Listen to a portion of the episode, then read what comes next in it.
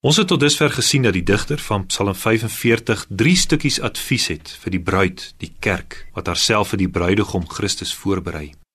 Die eerste stukkie advies waarna ons gisteraand reeds gekyk het, was om die ou lewe agter te laat.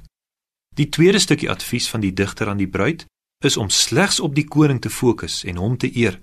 Kyk maar na vers 12. En as die koning u skoonheid begeer, want hy is u Heer, buig u dan voor hom neer. Dit is iets heeltemal anders as die immorele liefdesverhale waarvan ons vandag in boeke en tydskrifte lees en wat ons op die televisie te sien kry. Nee, dit gaan hier oor 'n heilige huwelik waarin die goddelike liefde van die bruidegom vir sy bruid en die eerbied van die bruid vir haar bruidegom harmonieus gehandhaaf word. Hierdie bruidegom het sy bruid lief, hy begeer haar, hy versorg haar soos sy eie liggaam. Hy laat haar deel in al die goedheid van God. En in antwoord daarop hou sy uit liefde haar man in ere. Die kerk moet voor Jesus Christus buig, want hy is haar Here en haar man.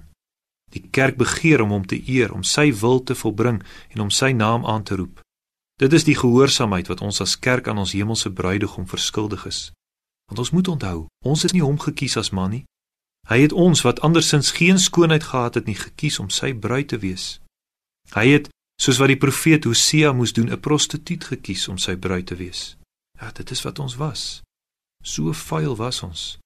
En om dan in die bruidskamer te kan staan, jouself te kan voorberei, mooi te mag wees, te hoor hoe jou aanstaande man op pad is met sy hele gevolg omdat hy jou wil hê, wat 'n wonder. As hy jou dan begeer, buig jou voor hom neer. Hy is immers jou Heer. En dan in die laaste stukkie advies van die digter aan die bruid wys hy haar om vorentoe te kyk na wat die toekoms vir haar inhou as die bruid van hierdie koning. Sy sal agterkom dat haar keuse vir hierdie bruidegom beslis die regte keuse was. Sy sien voor haar geestesoog die liefde van die koning vir haar. Vers 12: As die koning u skoonheid begeer.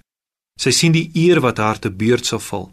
Vers 13: Met geskenke sal hulle u guns soek, ja die rykstes van die mense en sy sien die vreugde wat vir haar wag vers 16 hulle word gelei met vreugde en gejuig dit wat die kerk ontvang vir haar antwoord op die Here se liefde is onberekenbaar wanneer die bruid klaar na hierdie adviese van die digter geluister het dan gaan sy vasberade sonder om verder te twyfel buitentoe na haar wagtende bruidegom in al haar skoonheid in veelkleurige gewade word sy na die koning gelei volgens vers 15 louter heerlikheid is die koning se dogter daar binne van gouddraad is haar kleding vers 14.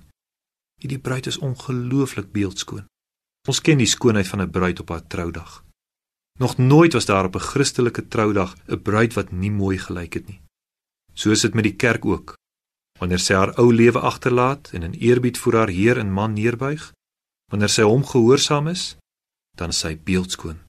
Geen mooier bruid as die kerk van Christus nie.